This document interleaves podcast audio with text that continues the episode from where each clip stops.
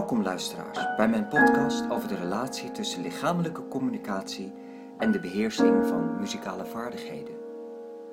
Mijn naam is Jacob van den Dom. Ik ben lector Blended Learning aan Codarts en universitair docent aan de Erasmus Universiteit in Rotterdam. Ik wil u in deze podcast in grote stappen door mijn PhD-onderzoek meenemen. De afgelopen jaren heb ik onderzoek gedaan naar de rol van het lichaam in muzikale leerprocessen. Om die essentiële rol van het lichaam voor de beheersing van muzikale vaardigheden te kunnen begrijpen, heb ik veldwerk gedaan in Kathmandu, in Nepal en in Amsterdam, Nederland. Waarom Nepal, zult u denken? Ik heb daar een aantal jaar als muziekdocent in Kathmandu gewerkt. Ik ontdekte daar dat mijn studenten voornamelijk observatie en imitatie toepasten om muziek te leren. Dus niet de muzieknotatie was leidend, maar het bewegende lichaam. Mijn vingers op het toetsenbord en mijn bewegende lichaam op de beat bijvoorbeeld. Dit bracht me ertoe onderzoek te gaan doen naar de rol van het lichaam in leren. In de literatuur wordt de rol van het lichaam in leerprocessen beschreven als embodied learning.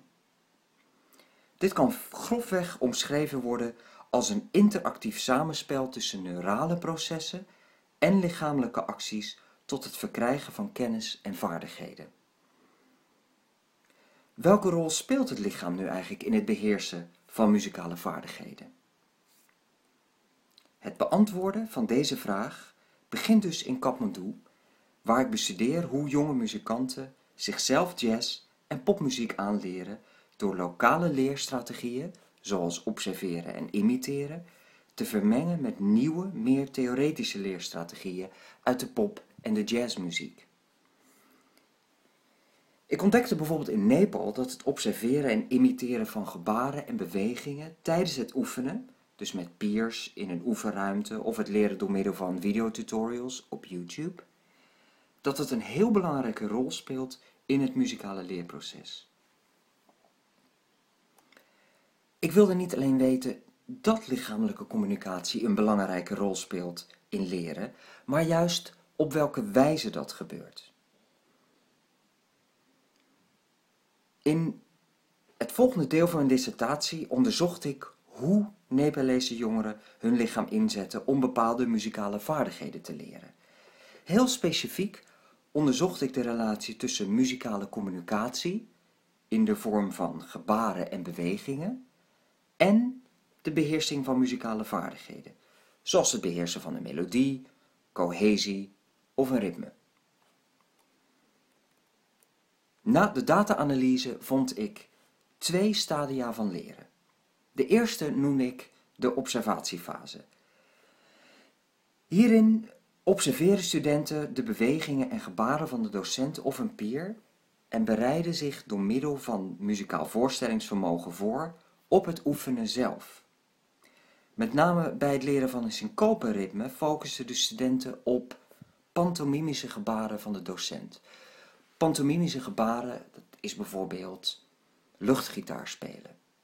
En de andere term die ik noemde is syncope-ritme.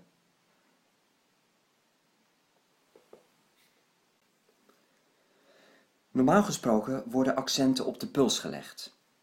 Dat klinkt bijvoorbeeld zo. 1, 2, 3, 4.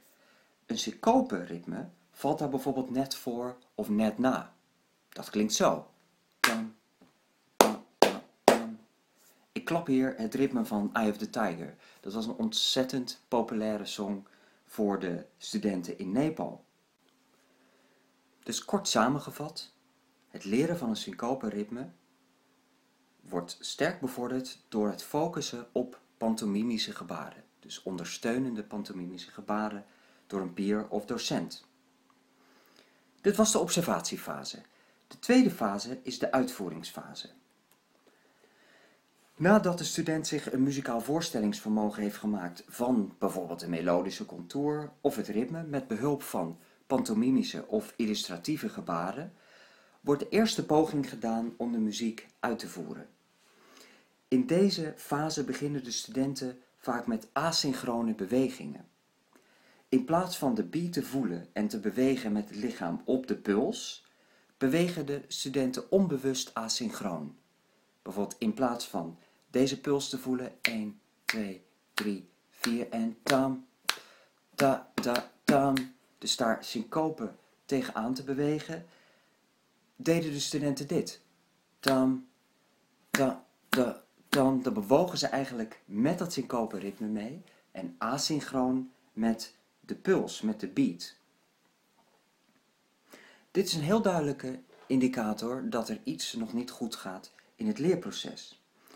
Pas als de docent met ritmegebaren de beat beweegt en de student dit ook exact overneemt, vindt er wel synchronisatie plaats. Daarop volgt altijd de beheersing van de muzikale vaardigheid.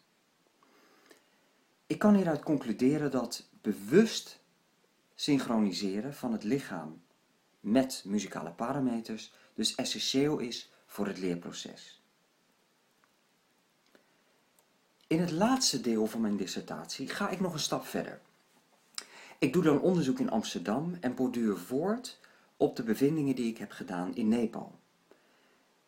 Ik theoretiseer de rol van het lichaam en in het bijzonder van de zintuigen als gereedschap voor muzikaal leren.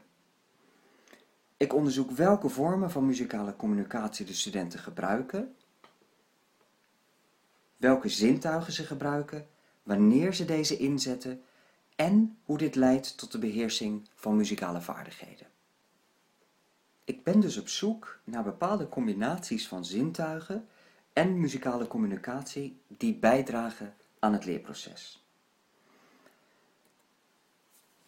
Mijn analyse toont aan dat visueel en auditief leren regelmatig worden ingezet en vermengd met elkaar in de eerste fase van het leerproces.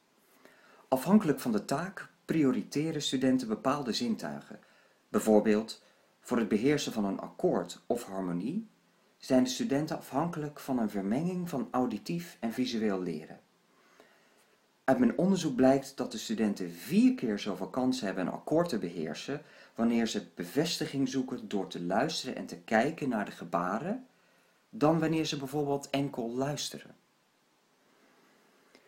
Zoals in het voorgaande deel observeren de studenten eerst gebaren en bewegingen ter voorbereiding van de uitvoeringsfase.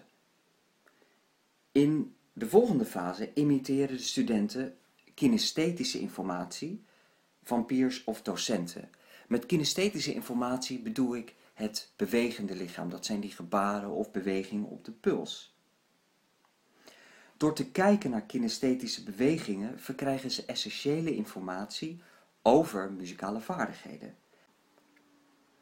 Uit mijn analyse blijkt dat deze kinesthetische informatie, bijvoorbeeld het bewegende lichaam op de puls of het illustreren van een melodie of pantomimische gebaren, dat deze exact nagedaan dient te worden voordat er beklijving plaatsvindt. De imitatie van deze gebaren en bewegingen leidt dus heel kort gezegd tot muzikaal succes. Met mijn onderzoek wil ik daarom benadrukken dat bewuste imitatie van bewegingen en synchronisatie op muzikale parameters aan de basis liggen van de beheersing van muzikale vaardigheden. Wil je meer weten over de exacte relatie tussen muzikale communicatie, zintuigelijke acties en de beheersing van muzikale vaardigheden? Dan kun je mijn dissertatie opvragen via vandendol.eshcc.ur.nl Dank voor het luisteren naar mijn podcast.